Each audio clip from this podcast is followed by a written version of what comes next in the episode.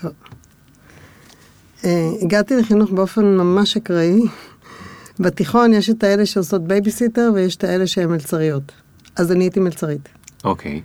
אה, גיליתי שאני ממש אוהבת ללמוד בבצלאל. כלומר, רק אחרי, הרבה אחרי. נכון. לא המון אחרי, כאילו כן. בגיל 20. איפה היית מלצרית? וואו, במיליון מקומות שרובם לא נשארו. לא, לא שרדו, לא שרדו כדי לספר. בקפה הטרה המיתולוגי בירושלים. Mm. זה פשוט היחיד שנשאר. אוקיי. אמ, ובבצלאל גיליתי שאני ממש אוהבת ללמוד, אבל זה לקח עוד 20 שנה עד שהגעתי לחינוך. הגעתי לחינוך דרך זה שהגעתי למסקנה שאני צריכה להקים בית ספר. אמ, זה היה בית ספר אה, דמוקרטי, וזה בעצם התחיל את המסע שלי. אוקיי, אז רגע, אז uh, אני אספר למי שלא יודע, אנחנו פה עם uh, יעל ביבר אביעד, או בשמה החדש uh, יעל uh, ג'סטין ביבר אבי, אביעד, ככה אני זוכר שזה ביבר ולא ביבר. בכל זאת, זה שם משפחה היום שמאוד uh, שווה להיות בו, uh, שהיא אשת חינוך, מנהלת בית ספר. ויזמת, כמו שהבנו כבר, uh, זרקת לנו בדרך, היו לך כל מיני uh, אה, ניסיונות בתחום היזמות, והיום בעצם אנחנו נעשה פרק שהוא קצת שונה, נדבר פחות על הקריירה שלך, למרות שהיא כנראה מאוד מאוד מעניינת, ויותר ספציפית על הקריירה שלך בתחום החינוך ועל עולם החינוך. אה, ולמה זה בעצם מעניין אותי? כי הפודקאסט נוגע הרבה מאוד במחשבות שלנו על עצמנו, על, אה, על עולם הקריירה. אבל הרבה פעמים אנחנו שואלים את עצמנו איך הגענו למקום הזה, מה לימדו אותנו בבית ספר שהביאו אותנו למקום הזה, מה ההורים לימדו אותנו שהביאו אותנו למקום הזה. בנוסף, יש גם הרבה מאוד הורים צעירים שמקשיבים לפודקאסט והם שואלים את עצמם, אוקיי, הבנו שיש את העולם החדש הזה שאתם כל הזמן מדברים עליו, מה אני אמור לעשות עם הילדים שלי? הם אמורים ללכת לאיזה בית ספר קסום שלא קיים, או לבית ספר הרגיל, אה, מה אני יכול לתת להם ולא לתת להם. אז אני חושב שזה נושאים שמאוד מאוד מעניינים היום, שוב, גם אם אתה הורה וגם אם אתה תהיה הורה וגם אם אתה היית הורה, כדי לנסות להבין איך הגענו למקומות האלה. אה, ואני רוצה להוסיף עוד משהו אחד. כן. כי אנחנו מדברים גם על מוביליות חברתית. זאת אומרת, אנחנו מבינים שאם לא נעזור, מה שנקרא, לעשות, לצמצם פערים של הפריפריה החברתית, אז יש פה גם שאלה של איך אתה יוצר בית ספר ושובר את המבנים הקיימים. אוקיי, אוקיי, אוקיי. אז נוסיף גם את זה. טוב, אז אני רק אסביר אה, למי שלא מכיר, אנחנו בפופקורן, פודקאסט אה, אה, עם אנשים ועל אנשים שעשו כל מיני מהלכי קריירה מיוחדים, וגם על נושאים לווייניים של הנושא הזה שמעניינים אותי, כמו חינוך. אני ליאור פרנקל, זה פרק 48. אה, שמקרב אותנו עוד ארבעה שבועות לפרק 52, שזה אומר שהייתה שנה שלמה, שהצלחתי אה, להחזיק ולשרוד בפודקאסט הזה. אז אנחנו נתחיל עם יעל ביבר אביעד בעוד שנייה. Yeah. Boom, boom, boom, boom. One time. Ring the alarm, hot ass nigga. Big ass head so my dreams get bigger. Make campaign strong so my flows get sicker. Confidence bigger than a drunk ass nigga. Look, work graveyard shifts. סבבה. איך להיות מנהל בית ספר? בסוף, בשבוע האחרון של חודש יוני. בשבוע האחרון של חודש יוני. כן, הפודקאסט ישודר רק בעוד איזה חודש, אבל אנחנו יכולים להיזכר מה זה אומר.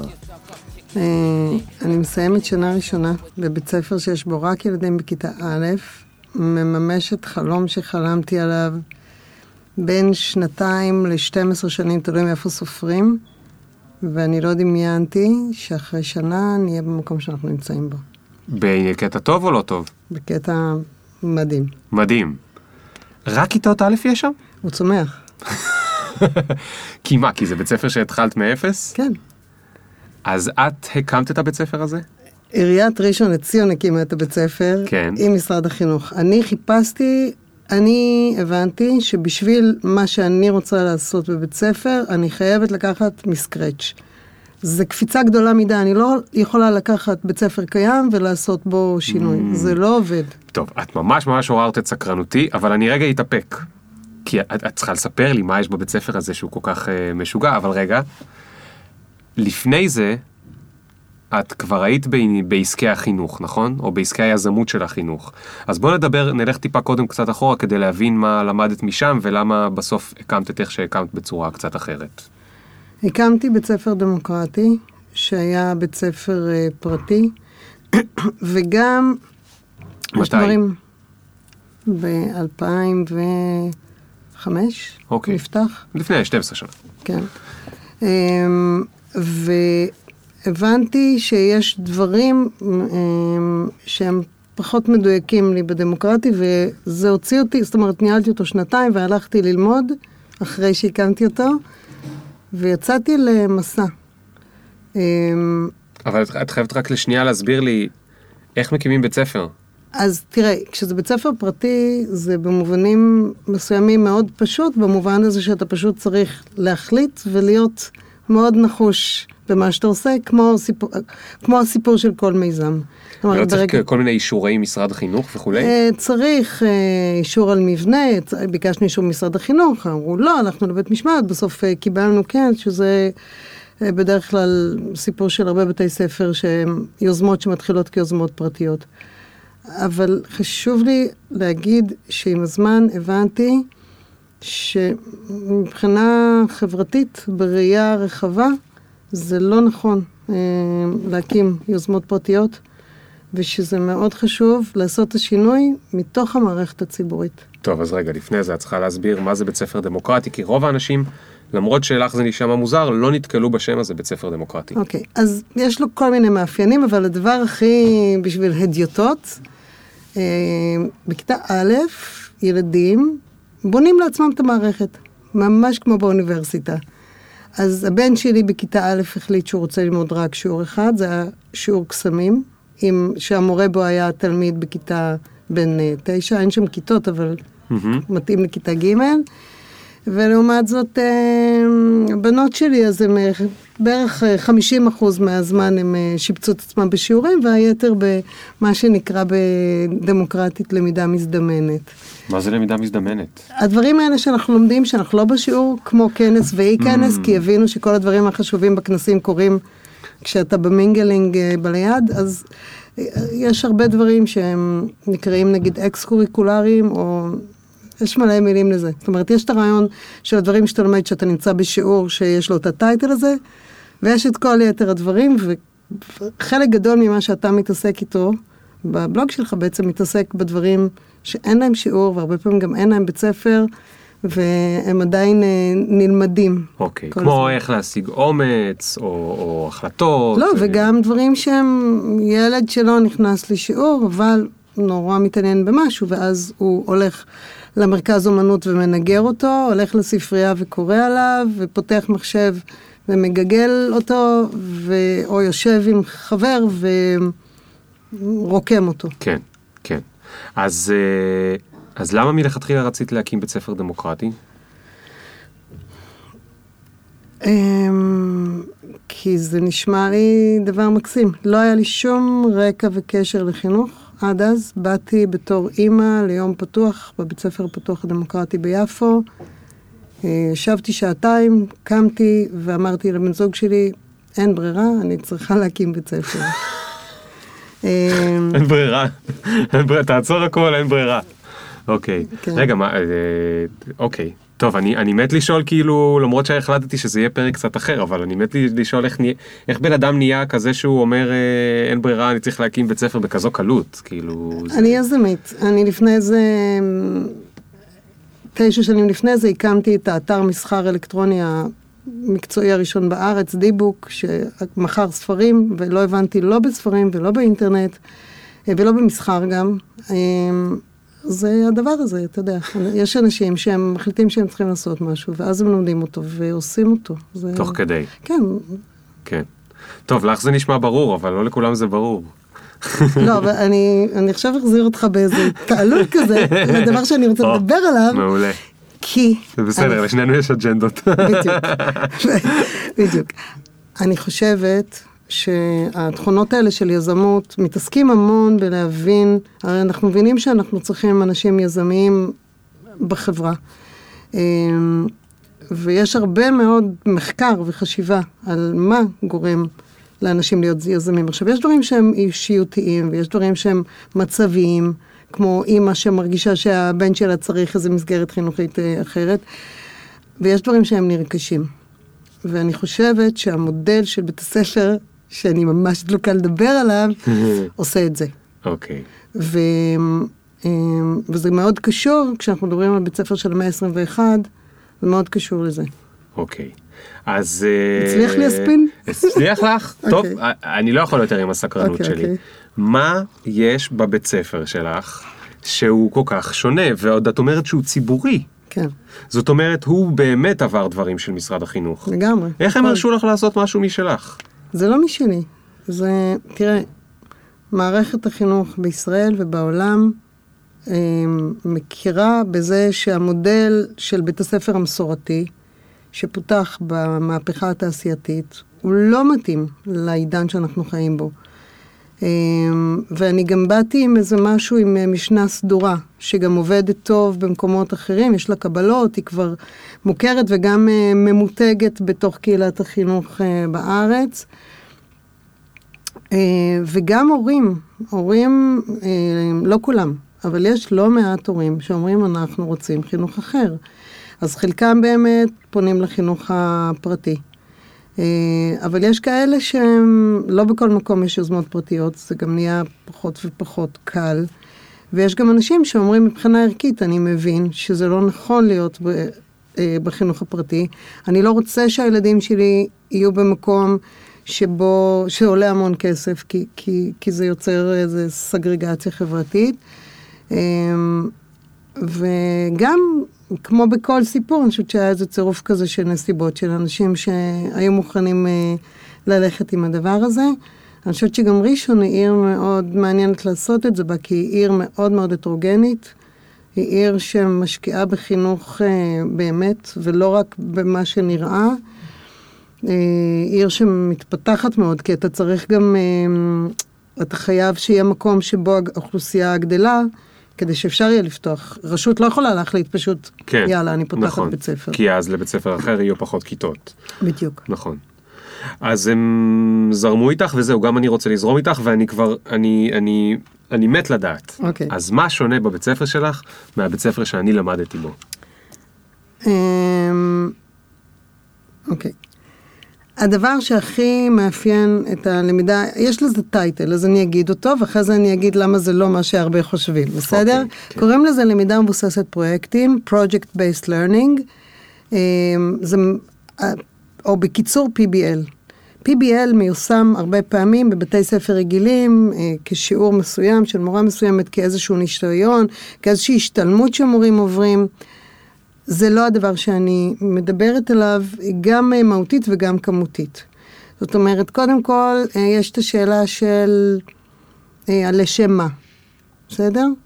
ילד נכנס לכיתה א', בדרך כלל בחודשים הראשונים, הדבר שהכי מגניב אותו בעולם זה למלא חוברות. הרבה פעמים הדבר הזה נגמר, מתמצה.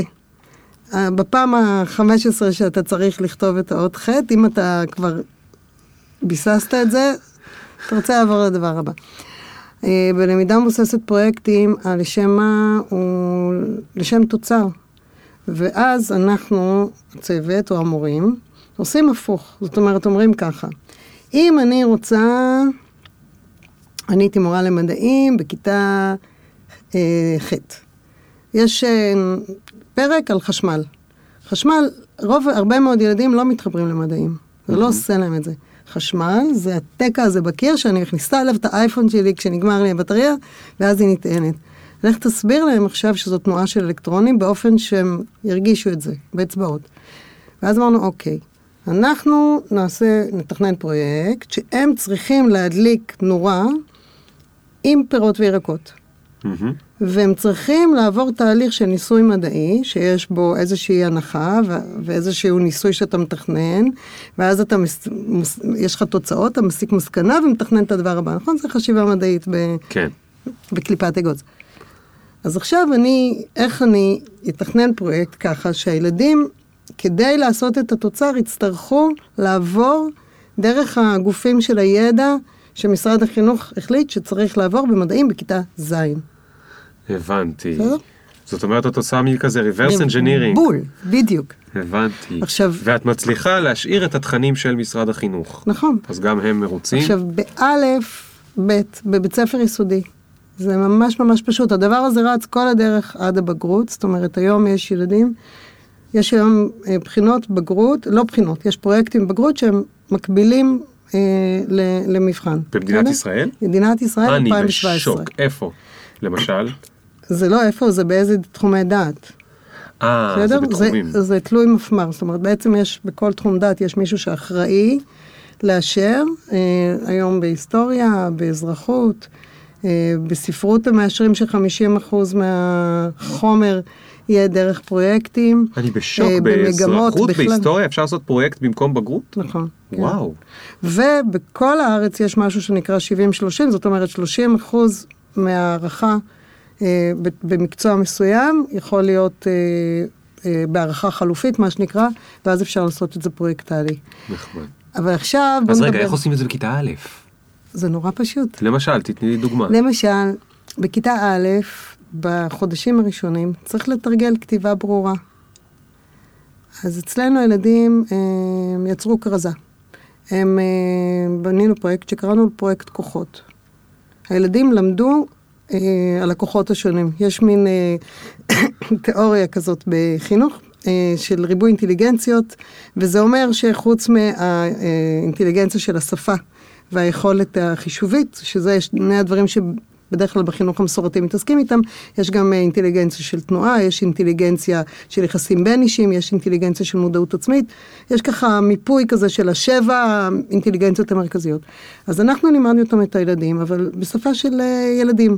אז במקום אה, אינטליגנציה של יחסים בין אישיים, קראנו לזה כוח החברות, ובמקום מודעות עצמית קראנו לזה הכוח להכיר את עצמי, וכוח התנועה, וכוח המוזיקה, והם עשו כרזה. כל אחד מהם היה גיבור על. היה להם גלימות שעשויות מעלבד, והם עשו אה, אה, pop-up, אה, כמו של קומיקס, בועית של קומיקס, ובתוך הבועית הזאת הם כתבו בכתב יד. אני ליאור, הכוח שלי הוא כוח השפה. בעזרת כוח השפ- השפה, אני עושה פודקאסט שממש עוזר לאנשים להתקדם בחיים. וואו, איזה מדליק. אז זה- לכל ילד היה את הסופר פאוור שלו. בדיוק. ורגע, הכרזה זה כאילו מין בועית קרטון כזה שהם החזיקו או משהו? לא, הכרזה זה כרזה, A3, תלויה היום על הקירות אוקיי. בית ספר, ילד. לכל ילד. ובמקום במקום שיהיה לו מבחן, מסגר, ובמבחן יגידו לו תכתוב אבא, כיסא וילד, אז הוא היה צריך לעשות כרזה, ששם הוא מצליח לכתוב את המילים. נכון. אני ליאור והכוח נכון. שלי זה... עכשיו, יש לזה המון כוח, כי... תראה, יש את הילדים שהכי, הדבר שלהם בחיים זה להיות ה-teacher's pet. לעשות... להיות ה? teacher's pet, חיית המחמד של המורה, בסדר? שהמורה תאהב אותו, שאבא ואמא יהיו מרוצים ממנו, מה שנקרא חננה. ילד כאפות, יש לזה כל מיני שמות. יש מעט, לא מעט, יש ילדים כאלה שהם פשוט רוצים להיות תלמידים טובים. יש ילדים אה, שזה לא הקטע שלהם, או כי מעניינים אותם דברים אחרים, או כי קשה להם. ואז, ובייחוד שאתה תחשוב גם על גילאים, זאת אומרת, באלף בית רוב הילדים רוצים להיות ממש תלמידים טובים וילדים טובים, ואז יש איזה. ירידה.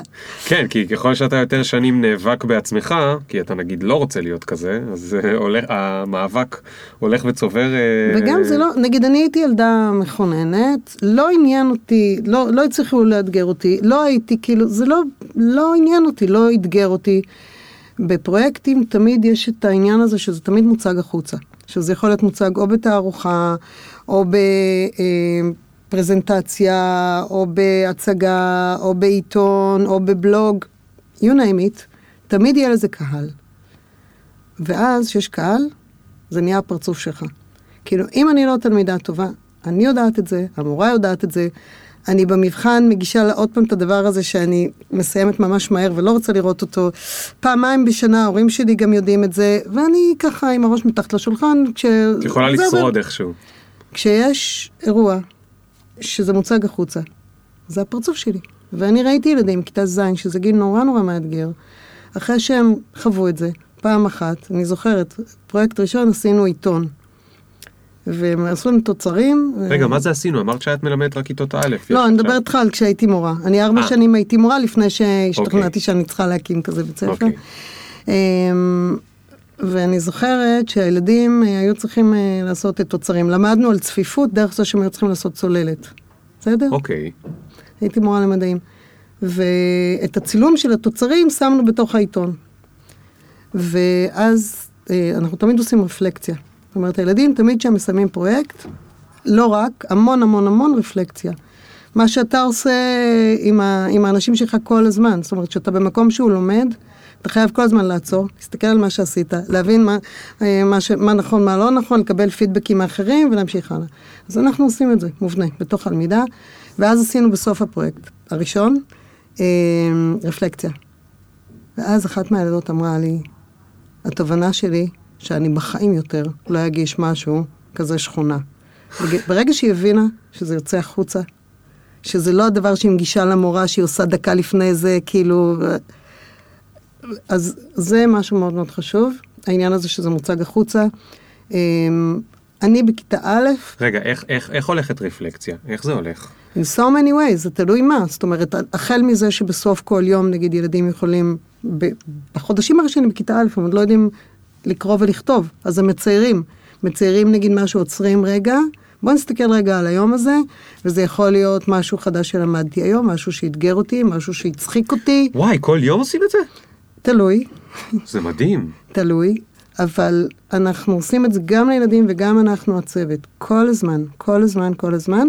והיום נגיד, כשאנחנו מסיימים שנה בבית ספר שאני עובדת בו, למורים שאני עכשיו קולטת, כי אני בית ספר צומח, אני כל הזמן קולטת אנשים חדשים, אז אנחנו אומרים, הנה הפרויקטים שעשינו השנה, ולכל פרויקט, הנה התובנות, אנחנו מוכנים לגרסה הבאה של הפרויקט, כי אנחנו כבר יודעים מה עבד בו ומה פחות ואיך לשפר. כן. עכשיו, את השפה הזאת אנחנו עושים גם לילדים. זאת אומרת, כן. ילדים מסיימים תוצר, או מסיימים פרויקט, עוצרים, מסתכלים.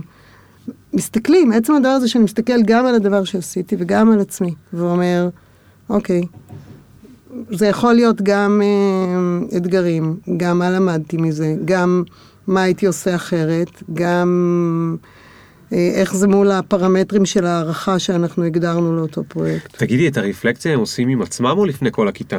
אז זה תלוי, זה, זה, זה שפה, בסדר? אז אתה יכול כן. לעשות את זה כתוב, אתה יכול לעשות את זה בעל פה, אתה יכול לעשות את זה למשל תעודות, הדבר הזה שאנחנו הולכים לתת בעוד חמישה, ארבעה ימים.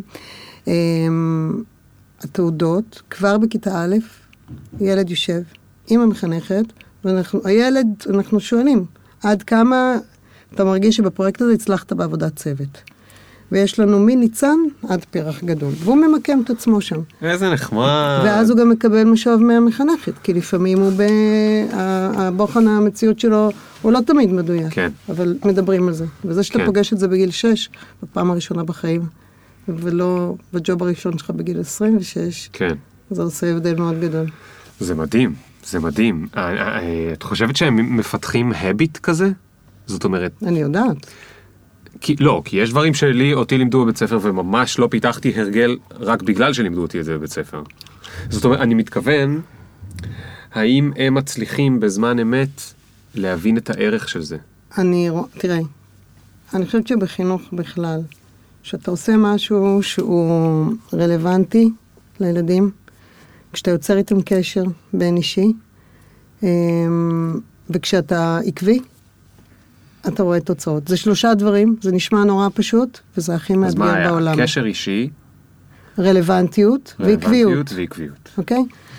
אז אמ, אני יכולה להגיד לך שאנחנו מסיימים היום שנה, קיבלנו ילדים מהגן, אנחנו מסיימים שנה ואנחנו רואים, אתה רואה את, ה, את הדלתא, אתה רואה אמ, שילדים מפתחים שפה, בסדר? כן. אמ, נגיד, אנחנו עושים מבדקים, כי אנחנו צריכים לדעת איפה, אנחנו לא עושים מבחנים לילדים. אבל אנחנו כאן עושים מבדקים, כי אנחנו, אנחנו אומרים להם, אנחנו רוצים לראות אם אנחנו לימדנו אתכם טוב, בסדר? עכשיו, כשאתה עושה מבדק כזה לילד, אתה רואה באטיטיוד שלו, בשפת גוף שלו, אם הוא מבוהל ולחוץ ומפוחד, או לחילופין מרגיש שהוא צריך עכשיו אה, להצטיין, או שהוא נינוח ועושה את הדבר שלו, כן. בסדר? אה, עבודת צוות, נגיד, שזו מיומנות שאנחנו עובדים עליה המון, המון, המון, ואנחנו אומרים לילדים, אמרתי את זה גם לילדים שעבדתי איתם בגילאי 13 ו-14, שזה הדבר הכי קשה, גם למבוגרים. אז אתה, אתה רואה שהשפה מתפתחת. ילדים לומדים, כשאתה מדבר, כאילו, הם היו צריכים לעשות משהו בצוות, ואז יש את הרעיון המדהים, המדהים, המדהים שלי. כן, בדיוק. ויש את הילדים האחרים שיש להם רעיונות, באמת, פח, ואני, הם לא מקשיבים לי. ואז עוצרים, ועושים רגע רפלקציה, ומנסים להבין מה כן עבד ומה לא עבד, ואנחנו מדברים על איך פותרים בעיות בדרכי נועם. ואנחנו מראים דוגמאות ספציפיות. וכל פעם שמישהו מצליח לעשות את זה, אנחנו עוצרים הכל ואומרים, תראו מה קרה פה. יש פה איזה ילד שמצא איזה פתרון שהוא לא my way or your way. אז זה, זה, זה מיומנות בכיתה א'. לגמרי. אני בשוק. תגידי, רגע, יש לי כל כך הרבה שאלות, אני לא יודע איפה להתחיל. ו- ולך יש עוד דברים להגיד, אבל רגע. אני רוצה שנייה לחזור לעניין עם ה super heroes והבועית אוקיי. של אני ליאור ואני טה-דה-דה שפה.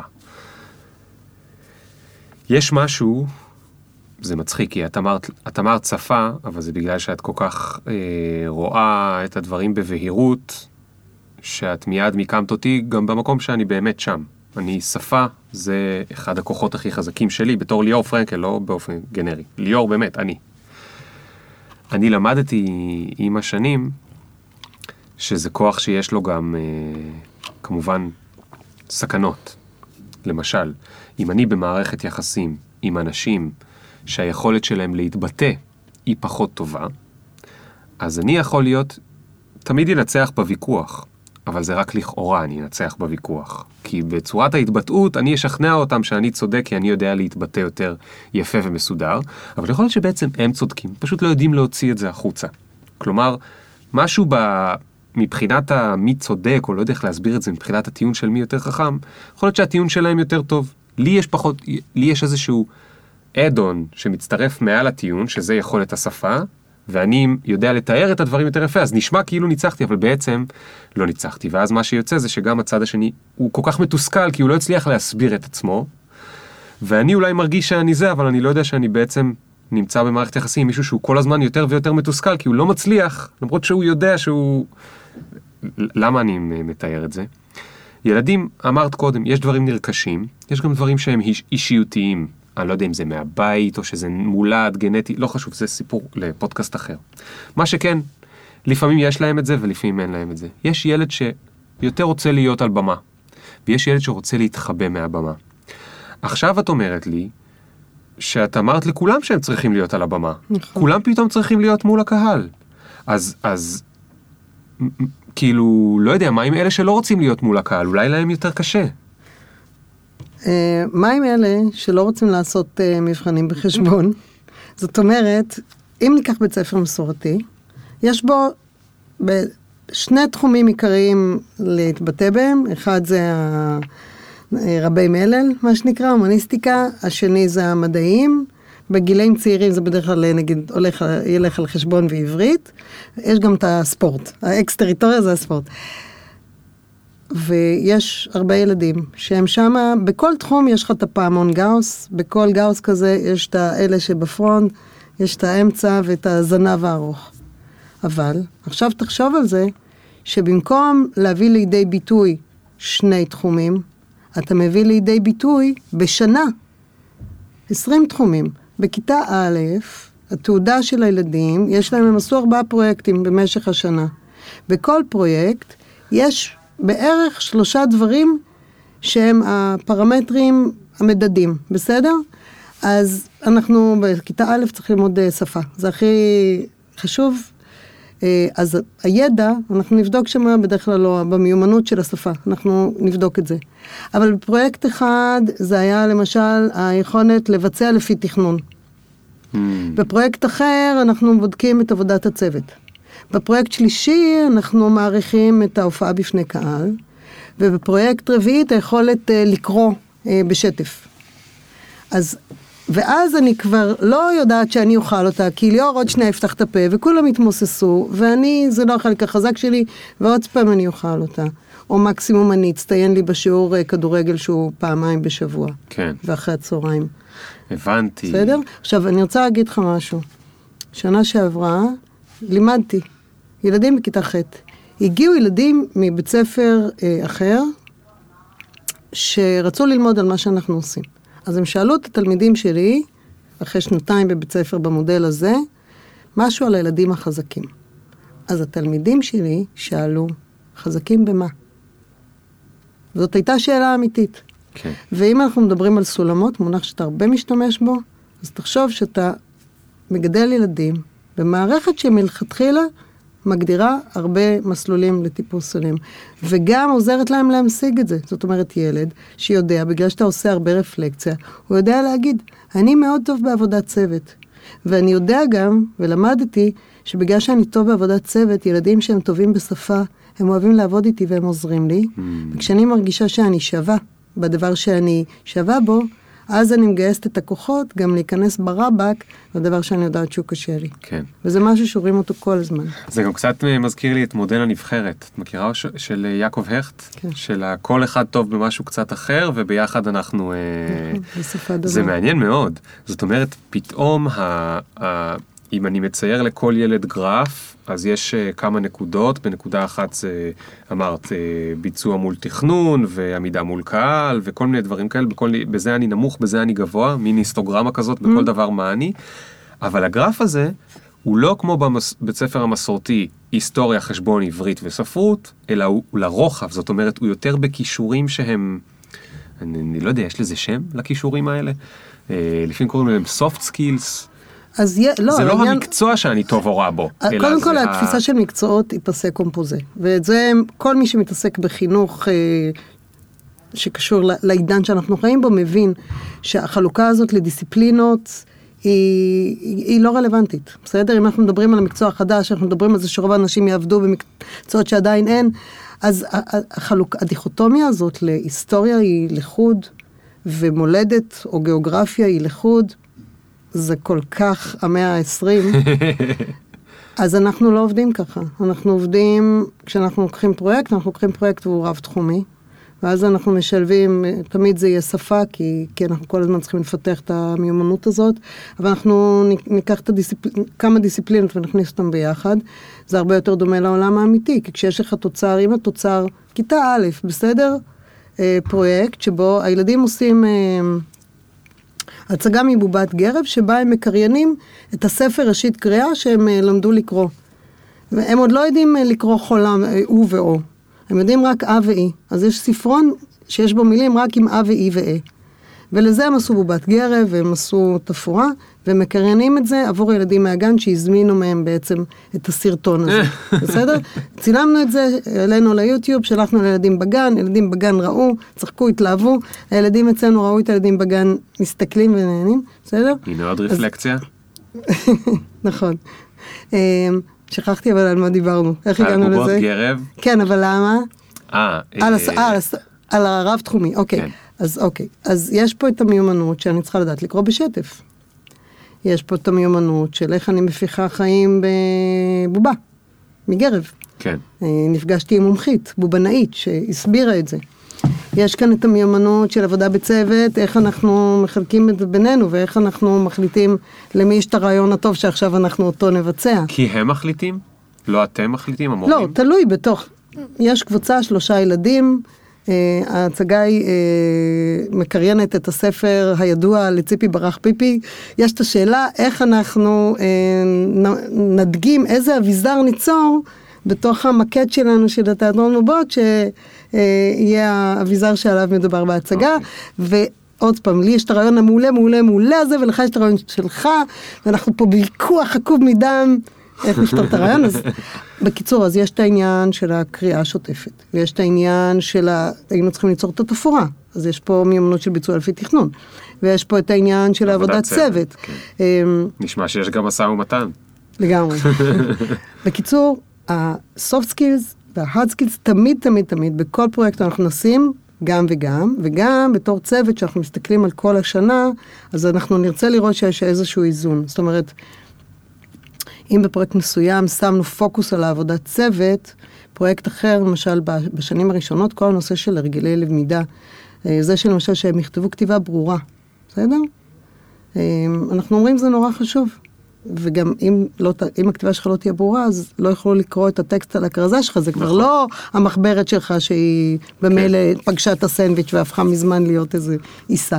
זה משהו שהוא תלוי, וגם פה חשוב להגיד, המסגרות לתמונות, מסגרתי אותם אצל מסגר שמקצועי. זאת אומרת, יש משהו בזה שהתוצרים, אנחנו מתייחסים אליהם ממש במקצועיות. מהיום. הראשון. כן. כן. זה מסר חשוב לילדים. זאת אומרת, אם נותן, הוא... הם מרגישים שיש לזה משמעות הרבה יותר גבוהה. בדיוק. יש את הניסוי הזה של דן אריאלי עם הרובוטים מהלגו, שלקבוצה אחת הם בונים ושמים לכם אותם על השולחן אחד ליד השני, זה, יש את זה גם בספר, בהרצאה שלי, אני מספר את זה. ואז אה, את מקבלת שלושה דולר על כל רובוט. סיימת את הראשון, שם אותו פה, סיימת את השני, שם אותו לידו, סיימת את השלישי, שם לידו, ככה שם אותם אחד מול השני. בקבוצה השנייה, סיימת את הרובוט, ואת בונה כמה שאת רוצה, ואז את הולכת הביתה ומקבלת דולרים לפי כמה רובוטים שמונית. קבוצה השנייה, אותו דבר עם הכסף, ההבדל היחיד הוא שסיימת את הרובוט הראשון, מביאה לי אותו, תוך כדי שאת בונה את השני, אני מפרק לך את הראשון מול העיניים. Hmm. ואז את מביאה לי את השני, ואני אומר לך, הנה החלקים של הראשון, תבנה, ה... תבנה עוד אחד. אני מפרק לך את השני מול העיניים. בעצם זה, הקבוצה הזאת בסוף עושה 40% פחות מהקבוצה השנייה, למרות שהם מקבלים את אותו כסף. אז אחד, זה בא להראות לנו שמוטיבציה לא, היא לא בזכות כמה כסף אתה מקבל, אלא הרבה יותר בזכות כמה משמעות יש למה שאתה רואה. ולקבוצה השנייה באמת הוא קרא, אריאלי, הקבוצה הסיזיפית, כי היא עושה משהו כאילו חסר משמעות. וזה באמת ש... ילד משקיע באיזשהו משהו, ובסוף זה נדחף שם בילקוט, ונמעך עם הבננה והסנדוויץ' ואין שם עוד איזשהו משהו, אז מה הוא לומד מזה? שהוא עושה את זה בשביל לעשות על מישהו דאווין לחצי שנייה וסיימנו. נכון. עוד עיקרון חשוב, זה העיקרון של ריבוי טיוטות. וגם תחשוב בעולמות שאתה מתעסק בהם, כמה זה רלוונטי. זאת אומרת, ילדים עשו משהו, אף פעם הדבר שהם מציגים לא יהיה הגרסה הראשונה. עשיתי גם וואו. גרב, גם אנחנו כיתה א', חודש מרץ, כן? אני בת שש ורבע, עשיתי בובה קודם כל מקוואקווה. כן. אה, לקפל, בוא נראה איך היד מזיזה אותה. אחר כך עשיתי בובה מגרב, ושמתי לה סתם אביזרים שגזרתי מנייר. ואחר כך אנחנו עושים, אוקיי, עכשיו בוא נעשה את הגרסה האמיתית. עכשיו, יש פה משהו בהבנה הזאת שהאיטרציות, בסדר? לא, זה שאתה מטורף. עושה גרסאות, שאתה עוצר רגע, שאתה, בשביל לעשות משהו טוב, אתה חייב לעשות כמה כמה דברים רעים. ב- נכון, בדרך. נכון. ושזה שהבובה הראשונה לא יצאה יפה, אתה לא נעלב שזה לא יפה, כי זה לא מה שיוצג בסוף, זה רק הגרסה הראשונה. נכון, שזה עוד דבר שאנחנו ממש אה, מקפידים עליו בשפה. השפה היא שפה של שימור ושיפור, תמיד. מה זה אומר? זה אומר, אנחנו מלמדים את הילדים לעשות הערכת עמיתים, עוד פעם, מ-day one, בסדר? כיתה א', ילדים ב, אה, השיגו, הציגו את ההצגה שלהם של בובות גרב בפני הכיתה, עכשיו נותנים להם משוב. מה לשמר, מה עשיתם טוב, ומה לשפר. לא הבנתי, אחד לשני? כן, הערכת עמיתים, כמו שעשו לי בקורס קצינים, קאלה. לגמרי. עכשיו, בכיתה א'. לא, אבל, לא רק להגיד עשית טוב, עשית סבבה, תגיד במה. אנחנו נותנים משוב באמת, הוא צריך להיות אדיב, ממוקד ותורם, בסדר? אתה צריך להיות ממוקד, אז תגיד לי במה עשיתי טוב, כדי שאני אדע את מה לשמר, ואתה חייב להגיד לי תמיד גם במה לשפר, כי תמיד יש מה לשפר, כן. בסדר? מתי אמרת שהתלמידים מסיימים את הבית ספר? אה, עוד 12 שנה. לא, הבית ספר הזה הוא יסודי, הוא נגמר בו', אבל יש בתי ספר לאן הם כאלה- ילכו אחרי זה? או, אז מתחילים לקום בתי ספר כאלה, גם בחטיבות תיכונים. והדבר שהייתי רוצה להגיד להורים, שחושבים שיש מקום לעשות שינויים באופן שבו בתי ספר עובדים, ולפעמים אה, אז הם מתחילים להסתכל החוצה, ליוזמות אה, של בתי ספר פרטיים. אז מה שאני רוצה להגיד זה שכל זה קורה בתוך בית ספר ציבורי, וזה יכול ואפשרי, ולמשרד החינוך יש הרבה רצון ונכונות אה, לפתוח ולהרחיב ולהגמיש, ושאני חושבת שככל שיותר הורים יגידו, אנחנו רוצים לשנות את האופן שבו בתי ספר עובדים, ככה הם ישתנו. זאת אומרת, היום תקרת הזכוכית היא מגיעה הרבה פעמים אה, לא מהמשרד, היא מגיעה או מהורים שפתאום ברגע, בח- בחלק הזה הם נהיים הכי שמרנים הכי שיש. שמרנים, כן. משהו. זה מגיע לפעמים ממורים שהם מפחדים, מפחדים לעשות אחרת. אצלנו השיעורי בית הם אה, לא חובה, הם בחירה. עכשיו, יש המון מחקרים על זה שעד כיתה ט' אין קשר בין שיעורי בית לבין הישגים לימודיים. המון מחקרים. כל הזמן נאספים עוד נתונים על זה. ומורים שהם אנשים אקדמיים, מסתכלים על הנתונים האלה, ועדיין ממשיכים כן. לתת שיעורים.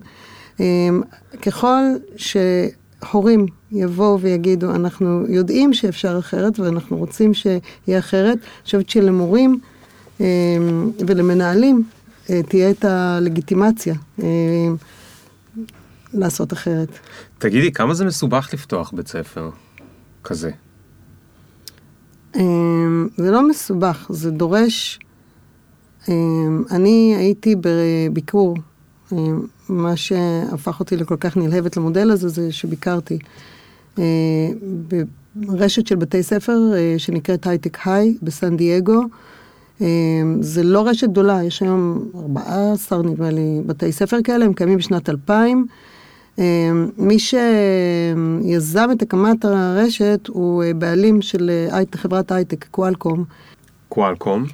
קואלקום, סיליקון ואלי, אה, סוף שנות התשעים, הטכנולוגיה מתחילה לרוץ בטירוף, צריך מתכנתים יצירתיים ושעובדים טוב בצוות.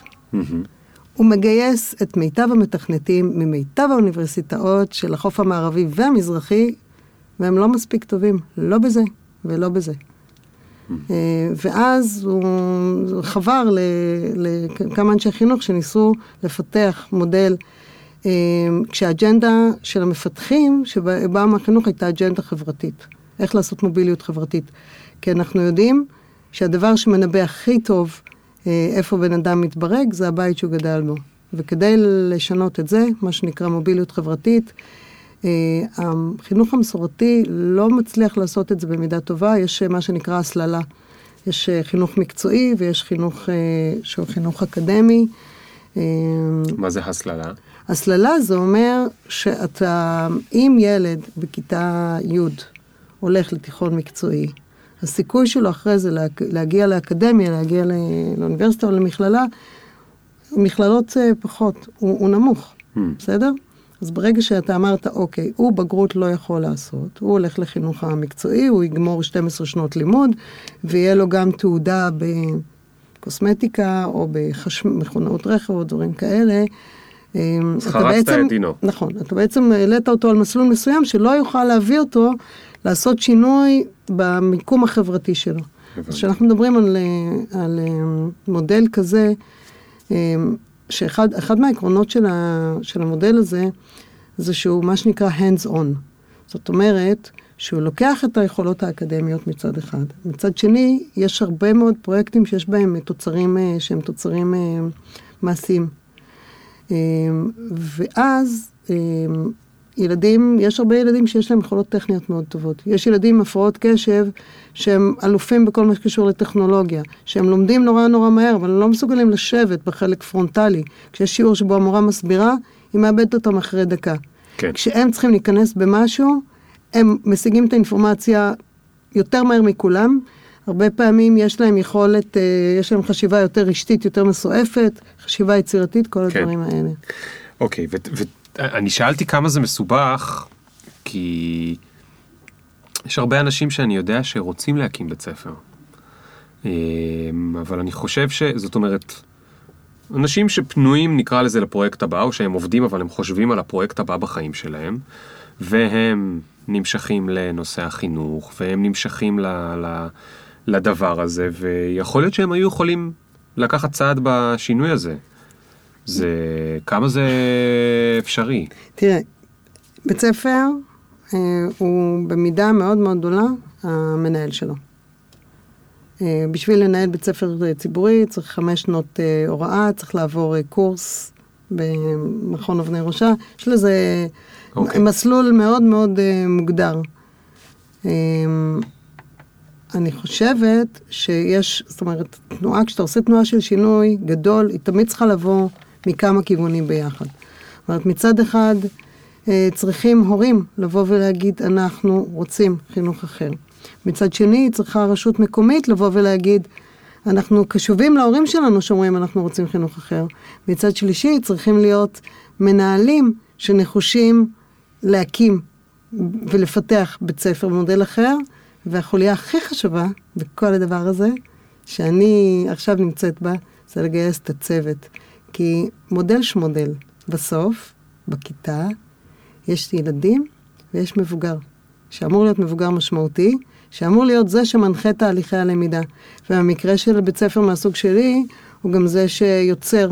המורים יוצרים, הם בעצם יוצרים את תוכנית הלימודים. לוקחים את התוכנית של המשרד, ויוצרים ממנה משהו חדש.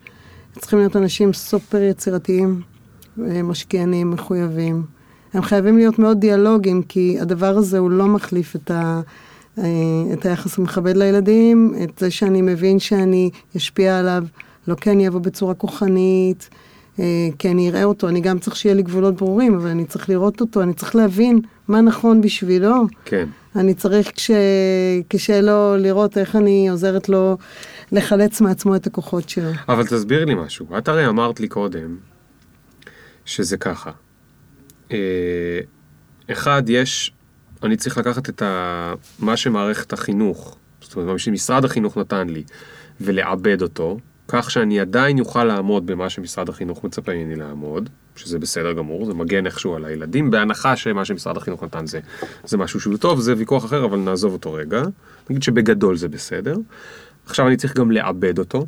לא רק שאני מעבד אותו, שנה הבאה אני צריך לעבד אותו עוד קצת, כי אני משדרג גרסה, נכון? יש רפלקציה, ואני רוצה לשפר את הפרויקטים של שנה הבאה עוד קצת.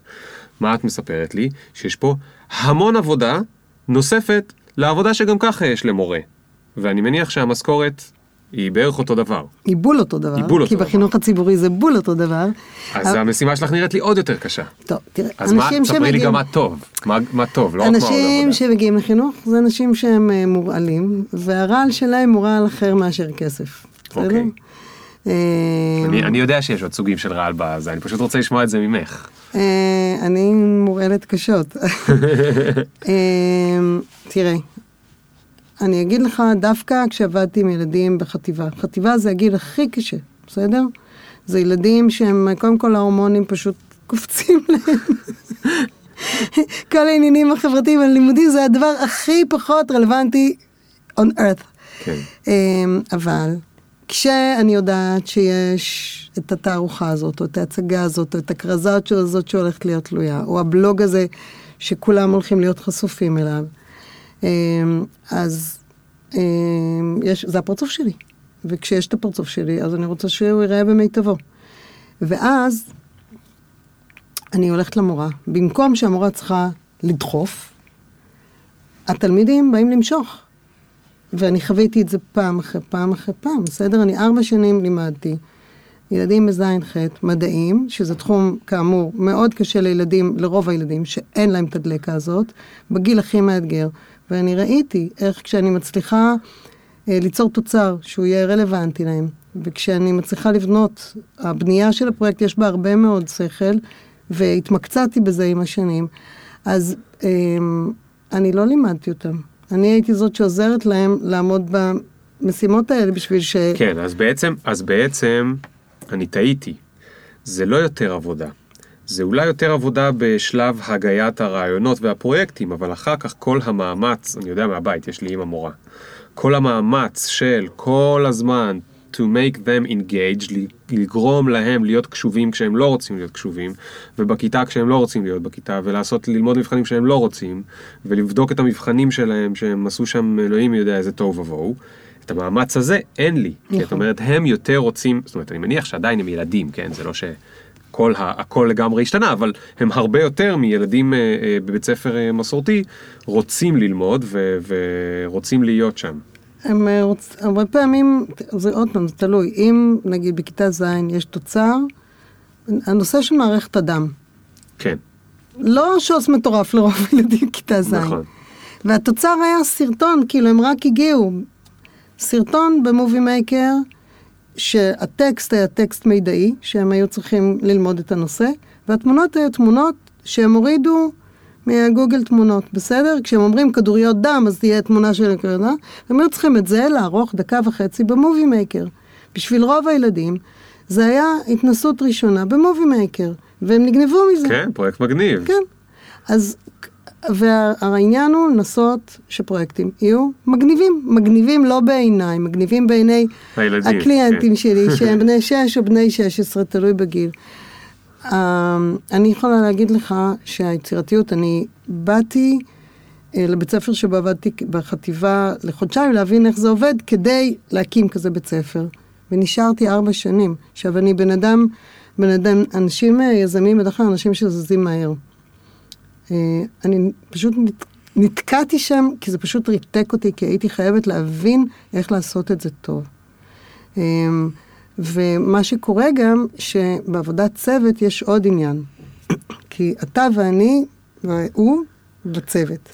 עכשיו אני, אתה נורא בעניין, אתה זה שתמיד תגיש את העבודה הכי מתוקתקת, ואני לא, אני בקטע של לעשות שטויות, בסדר? כן. אבל עכשיו זה לא המורה שמתבאסת עליי.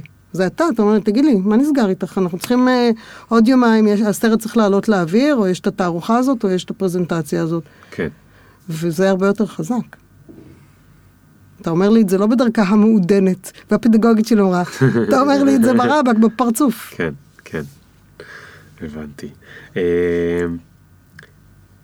אז את למדת את זה בסן דייגו? את הסיפור לא, הזה? הייתי שם שבוע, בסן דייגו. כן, שם רק אה, היה ניצוץ. נכון, וראיתי והבנתי, אמרתי לעצמי, זה היה אחרי אה, מסע של שמונה שנים, זאת אומרת, מהדמוקרטי אמרתי, אוקיי, אני מבינה שצריך לעשות אחרת, אני חושבת שדמוקרטי זה לא הדרך שנראית לי הדרך הנכונה, אני מבינה שצריך גם סטרוקטורה, צריך מבנה.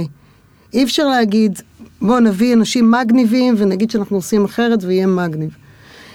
וכשבאתי לשם, אמרתי לעצמי שמצאתי, יותר מכל דבר אחר, זה הזכיר לי את הלימודים בבצלאל. כי מה שעשיתי בבצלאל, רוב הזמן, פשוט עשינו את הדברים, יצרתי, והסתכלתי, והסתכלתי מה החברים שלי עושים, כן. ועשינו ביקורת עבודות, ואז עשינו את הדבר הבא.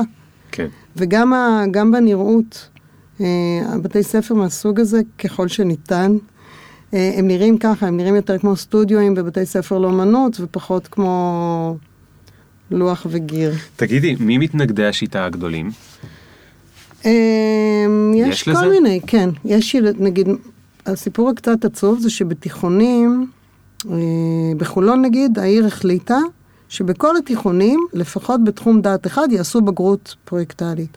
עכשיו, באים לילדים שרגילים מכיתה א', הם לומדים בצורה מסוימת, ועכשיו יש פרויקט.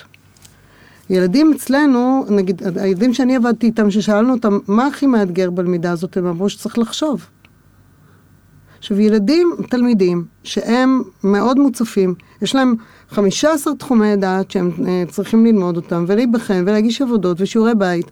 עכשיו אתה בא ואתה אומר לא, לא, לא, פה עכשיו אתם צריכים להתאמץ ממש. אתם צריכים לחשוב, אתם צריכים להסתדר בצוות. הם אומרים לך, תעזוב, תעזוב אותנו באמא שלך, מה יש לך? והם אומרים את זה. אז זה, זה עצוב, אבל uh, אני גם מבינה את זה, זאת אומרת, זה לא אומר שילדים לא יכולים לעשות אחרת, זה אומר שכשמישהו נכנס לתוך ערוץ מסוים ואתה אומר לו, טוב, עכשיו אל תנהג ככה, עכשיו תעשה משהו אחר, תנהג עם העפעפיים, הוא אומר לך, אני לא. Uh, זה סוג אחד של התנגדות. יש הרבה מאוד הורים שאומרים מה שאמרנו קודם. לא, לא, לא, ממש לא. לא אה, בבית ספרנו, מה שאומר. כן, בדיוק. אני לא, תראה, יש פה משהו שהוא לכאורה הימור. זאת אומרת, מצד אחד, כולם יודעים שהשיטה המסורתית לא עובדת. מצד שני, בשביל הורה, זה להמר על הכל, נכון. על כל הקופה.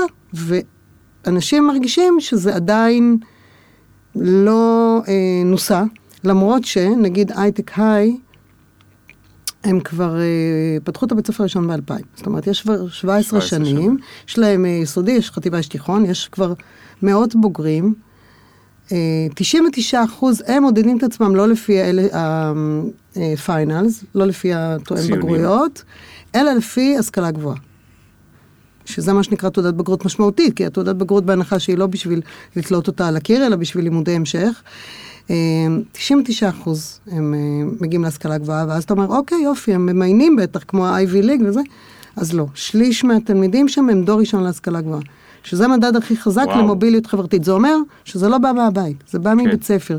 בזמן שהאחוז בארצות הברית, זה, זה 34 אחוז רק מגיעים להשכלה גבוהה, והם רובם הגורף מגיעים מבתים שבהם ההורים גם הלכו לאוניברסיטה. בסדר? כן. אז לכאורה יש קבלות, וקבלות פנומנליות. תגידי רגע, אבל איך, הגעתי לאוניברסיטה, ואיך מקבלים אותי? כי באוניברסיטה הם לקחו את הממוצע שלי. נו, אבל אתה מקבל, אז זה, זה הדבר, זה השוס המטורף, זה שגם היום משרד החינוך, ברגע שמשרד החינוך מו- מוכן לתת לך בבגרות ציון, במקום על בחינת בגרות באזרחות, הוא נותן אה, זה לך מה שאמרת ציון. קודם, רק עכשיו ירד לי האסימון. כן. זאת אומרת, אני עדיין מקבל ציון בגרות. נכון. פשוט זה במקום על מבחן נכון. ששיננתי לו כמו איזה קוף, אני מקבל את זה על פרויקט שהראיתי, ויש מישהו שהוא המורה ואמר, זה הפרויקט של הפרויקט הזה, מגיע הציון הזה והזה. לפני שבועיים הלכתי בח- לבית ספר בחולון שבו למדתי את, את רוב מה שאני יודעת. יש שם מגמה מדעית הנדסית, י"א, התוצר המסיים שלהם של השנה היה חדר בריחה אה, בנושא של תורשה, שאני נאלצתי להימלט ממנו כי לא יכולתי לפתור אותו, כי אין לי את הידע בתורשה שנדרש, כי אין לי ידע של אה, מדעית הנדסית בי"א, חמש כן. יחידות, בסדר? אבל אמ, זה סופר יצירתי, וזה הרבה יותר מגניב לעשות חדר בריחה מאשר ללמוד למבחן. כן. אה, ת, תגידי עוד שאלה, אני יודע שהיא כאילו לא... היא מאוד שולית, אבל זה שאמרת את בצלאל הזכיר לי את זה. בבתי ספר לעיצוב הרבה פעמים הסטודנטים מגלים שהם צריכים כל הזמן לקנות חומרים. אני, אני לא יודע, איך זה אצלכם? יש לכם תקציב לזה? אה, כי אני, אם כל היום בונים אה, הרי געש ועושים אה, זה וחדרי בריחה, מאיפה מגיע התקציב לזה? זה עניין של עדיפויות, בסדר? אני יכולה להגיד לך שאני בית ספר זערורי, כי יש כן. לי רק 45 ילדים, ובתי ספר בניהול עצמי, הכסף, אה, הכסף שלהם הוא בא מכמה מאות שקלים פר תלמיד. בבתי ספר ציבוריים אסור אה, לגבות אה, יותר, נכון. ואני גם מקפידה על זה על השקל, כמו רוב המנהלים. אבל אני, אני, יש, יש לי עדיפויות, בסדר? אני שמה את כל ה... אני גם, יש משהו שנקרא נגיד אה, סל תרבות, אז אם יש, אתה אמור אה, אה, לקחת את הילדים להצגה אחת, למשהו אחד בתחום האמנות החזותית וזה, אז גם את זה אני מחברת לפרויקטים. אז הבנתי. כשהיה פרויקט של, נגיד, כשאמרנו על הכוחות, על הסופר הירוס, אז אמרנו להם שבעצם הבית ספר יהפוך למוזיאון ויהיה תערוכה. ואז גילינו שהרבה ילדים לא יודעים לא מה זה תערוכה ולא מה זה מוזיאון, כי הם אף פעם לא היו במוזיאון. כן. ואז לקחנו אותם למוזיאון, על הסל תרבות, בסדר? אז הילדים, הם עושים את זה גם בבית ספר. אחד הדברים שקורים בחינוך המסורתי, שכבר עושים איזה משהו שהוא יותר יצירתי, אין זמן. כי בשיעורים עצמם המורה מלמדת, והילדים פותרים את ה... מעתיקים מהלוח, ואז נותנים להם משימה יצירתית לעשות בבית. נכון. מי עושה את המשימה היצירתית בבית? ההורים! נכון. יואו, וזה אחד הדברים שהכי מרגיזים אותי. אה, ואם אנחנו גם. מדברים על עבודת צוות, ובהנחה שאת הצוות אתה לא עם ההורים, אה, זה קורה בתוך בית ספר, זה קורה עם חומרים של בית ספר, וגם אה, סיימנו עכשיו פרויקט שקוראים לו אשפי האשפה. אשפי האשפה, נכון? מה זה אומר? אה, כשמו כן, הוא פרויקט סביבתי, שהילדים אה, דיברו על, אה, על... הם הכירו את המפלצת ל... ל... ל... למחזר, לעשות שימוש חוזר, לצמצם. ואז הם עשו כל מיני דברים מחומרים ממוחזרים, זאת אומרת, יש גם עניין בזה שלא קונים חומרים, אלא משתמשים בחומרים, זאת אומרת, אתה מביא לשם גם את התפיסה כן. הסביבתית. מדהים. טוב, תשמעי, כל הסיפור הזה נשמע לי סופר מעניין. אה, נגעת פה בהרבה דברים שמאוד מאוד מאוד, אני מאמין גדול שלהם. עד כדי כך שבאמצע שאלתי אותך מתי הילדים שלך מסיימים, כי אני... זה האנשים שהייתי רוצה להעסיק אצלי. אבל יש חור אחד שעוד לדעתי, אה, אולי יום אחד תוכלי לשפר אותו. אני הייתי רוצה לדעת הרבה יותר מכמה הילדים קיבלו באזרחות ובספרות, איך נראית ההיסטוגרמה שלהם. את מבינה? אני הייתי, אני חושב היום, עובד שאני צריך, אם אני צריך לזכור עובד, הרבה יותר מעניין אותי מכמה הוא קיבל במתמטיקה, פיזיקה, או במדעי המחשב, בקורס Java או JavaScript או זה, ואני לא מזלזל, כן, אה, אה, מקצועות מאוד חשובים ומעניינים, אבל הרבה יותר מעניין אותי להבין כמה הילד הזה, או המבוגר הזה, טוב בעבודת צוות, אה, במשא ומתן, בפתרון בעיות, כל הסקילס שהם הסקילס של העולם החדש. ואת זה עוד אין, אין, אין לי דרך לראות. למה? יש תעודה. זה מה שככה נראית התעודה. אז זה מופיע גם בתעודה? כן. וגם בתעודת בגרות שלהם? לא. לא, אז זה לא בתעודת בגרות שלהם. זה כבר, אה, זה המסר שלך למשרד. כן, כן, אוקיי, אז זה, מה, אז זה מה שאני רוצה לספר, לה, זה מה שאמרתי שאולי תעזרי לפתור, כי אני בטוח שבמשרד החינוך עוד אין אצלם, אבל אה, זה, אני חושב שזה לא פחות, אם לא, שוב, יותר בימינו, אה, צריך לעניין את, ה, את הבוסים העתידיים. אני, אני גם רוצה שהילד ידע שהוא צריך להשקיע בזה. נכון. זאת אומרת שהוא צריך להשקיע בפתרון בעיות ובעבודת צוות, לא פח, ובלדעת לתת פידבק, ובלדעת לקבל פידבק, לא פחות ממה שהוא צריך לדעת בסוף את הפיזיקה. אבל הם יודעים את, את זה בגלל שבתעודה שלהם נכון. זה, זה באותו מקום, זה מקבל אותו משקל כמו לקרוא באופן רהוט. כן. עכשיו, מצד, ואז הוא בא לה, ביום שישי לסבתא, והיא אומרת לו, נו, כמה קיבלת בחשבון? כן. לא שואלת אותו, איך אתה בעבודת צוות או חשיבה יצירתית? מסכן, בסדר. צריך גם לעדכן את הסבתות. נכון. לא, ויש לנו גם רובריקה, זאת אומרת, כאילו, יש שם את הסעיף, וזה גם חשוב להורים, בטח בגיל צעיר, אה, הורה של הילד שלו קשה אה, עם חשבון, עם אה, חיבור עד 20, רוצה לדעת את זה. נכון. אז יש לנו נכון. סקאלה מניצן ועד פרח גדול. ואנחנו, ו, והילד יודע גם להגיד, והוא גם, אנחנו לומדים אותו גם להגיד בעצמו איפה הוא נמצא שם. נכון. החדשות הטובות הן שבין ניצן לבין פרח יש תנועה, זה סקאלה, ושאם אתה טוב ברפלקציה, אז אתה יכול, ואתה יודע איך לגייס את המוטיבציה שלך, אז אתה יכול להבין מה אתה צריך לעשות בשביל... כן. אגב, אה, הרבה הורים גם רוצים לדעת כמה הילד שלהם טוב בעבודת צוות, והם לא יודעים את זה, כי יש לו איזה ציון כללי בהתנהגות. נכון. וביום הורים יש שלוש דקות שבו אמורים לדבר על כל, ה, על כל הציונים של הילד בדברים האלה, אבל בבית ספר רגיל הוא לא יודע את כל הדברים האלה. הוא לא יודע כמה הילד שלו טוב בלהתבטא ובכמה הוא טוב ב, ב, ב, אה, ב, ב, בדברים האלה. אה, טוב, תשמעי, לא, לא אכזבת. זה היה, באמת, זה כל כך משמח אותי לשמוע שיש את הדבר הזה, ואני כל כך מקווה שזה יתפשט יותר מהר ממה שזה דווקא. ישראל, אה, שיש לה חסרונות ויתרונות, דבר אחד אני רואה בדברים מסוימים זה שהיא מאוד, אה, אנשים פה הם מאוד early adapters. הם מאוד אוהבים לאמץ דברים, גם טכנולוגיות ואפליקציות וזה, אבל גם טריקים כאלה, הם אוהבים לאמץ את זה מאוד מאוד מהר. ואני מקווה שה... כמה שיותר מהר יצליחו באופן קצת ויראלי להדביק את הבית ספר שלך בבתי ספר אחרים. אמ, ובאמת, כל כך הרבה דברים חשובים, זה לא יאמן, גם הסקיל, הזה של הגרסאות, וואו, כמה זמן לקח לי לצאת מהמקום הזה של או שעשיתי את זה כמו שצריך ואני מקבל ציון טוב, או שלא עשיתי את זה כמו שצריך על הפעם הראשונה, וזה אומר שאני פשוט גרוע בזה. כישלוני בזה, וגם עדיף שאני לא אנסה יותר, לא אתקרב, אני גרוע באומנות, או אני גרוע בכל מיני דברים כאלה. וסיפרתי את זה, אני לא זוכר באיזה הזדמנות, אבל רק כשהתחלתי להתעסק בסטארט-אפים, כי בסטארט-אפים יש את הדבר הזה, נכון? יש MVP, יש משהו שאני מנסה ואז אני מתגלגל עליו. ורק כשהתחלתי לפרסם בלוגים, אז למדתי את הדבר הזה. כי בבלוג, הכיף הגדול הוא בניגוד לעיתון. בבלוג כתבת, פישלת, לא היה כתוב טוב, אתה נכנס שאף אחד לא מסתכל, מתקן, ו- ועוד פעם עושה פאבליש ואף אחד לא יודע, אבל אתה שיפרת את זה. ואתה אחרי שבוע יכול להיכנס ומישהו מצא אה, טעות כתיב, אז לא נגמר העולם. אתה נכנס ומשנה את הטעות כתיב, ופתאום אתה בעולם שבו אתה כל הזמן בגרסאות. ואתה גם מקבל פידבקים.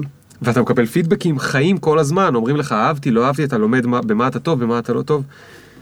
מדהים, מדהים. עכשיו, הנה עכשיו האג'נדה שלי. אוקיי. אה, מה היה עד עכשיו? כל זה היה בשביל okay, אוקיי, להגיד okay. אוקיי. שאת המורה הסופר סופר סופר יצירתית הזאת, שפשוט מחפשת את המקום לעוף בו, אנחנו מחפשים אותך. אוקיי. בית ספר אלונים, ראשון לציון, מחנכת א' ב'. אוקיי, ואתה? גם בנים? כן. אוקיי, גם המודעה אתה. פונה לשני המינים. המודעה פונה לשני המינים. אה, אני ממש אה, מקווה שאתם שומעים את זה שם ושאתם... אה, איך יוצרים איתך קשר? בית ספר. אלונים, ראשון לציון. מי שידע. למצוא את בית ספר אלונים בראשון לציון, כבר עבר את השלב כן, הראשון יותר נכון. מי שלא ידע למצוא, כנראה שלא היה עובר את השלב השני. בדיוק. נכון. יאללה, תודה, תודה, תודה רבה, אה, יעל. אני שוב אה, אומר תודה לכם, איזה כיף שאתם פה לשמוע, אחרת לא היה לי למי לדבר, ואיזה כיף שהגענו לפרק 48, שאני מקווה שהוא היה אה, קצת יותר טוב מפרק אה, 38, והרבה יותר טוב מפרק 18. אני שוב אומר את זה, ושוב מתרגש שממש עוד ארבעה פרקים. זה פרק 52, שזה אומר ששנה שלמה הפודקאסט הזה קיים, אה, עם הרבה הרבה הרבה זיעה, למרות שיש פה מזגן. אה, זה קשה לעשות משהו בעולם הזה, זה גם הבעיה של העולם הזה, הוא כל הזמן גורם לך לרצות לעשות דברים אחרים וחדשים, אבל אה, כמו שאת אמרת, אה, קונסיסטנטיות, או איך אמרת את זה בעברית? עקביות. עקביות. זה אחד הדברים הכי הכי הכי חשובים, אז אני מקווה שהפודקאסט הזה אה, עקבי בשבילכם, רלוונטי, ומה חסר לי שם הראשון היה? קשר. אה, קשר, ו- קשר. ושיש לי קשר איתכם. אז יש לי קשר איתכם, אתם יודעים, אתם כותבים לי אימיילים, אתם כותבים לי הודעות, אתם מקסימים, אני אוהב אתכם, אה, אני פוגש אתכם ברחוב, אז אני לא סתם מדבר עכשיו לעצמי, אני יודע את זה. וזהו, ניפגש בפעם הבאה. ביי יעל, תודה. Something like my dick is hit it when they mention. Did you get my mentions? Question: Do you even fuck with a nigga like me? Will you bump me in about three days? Really? IDC. Cause every time a nigga talk, they KC. The big up picture. Fuck your filter. Me can't go run, but me can't repeat. No.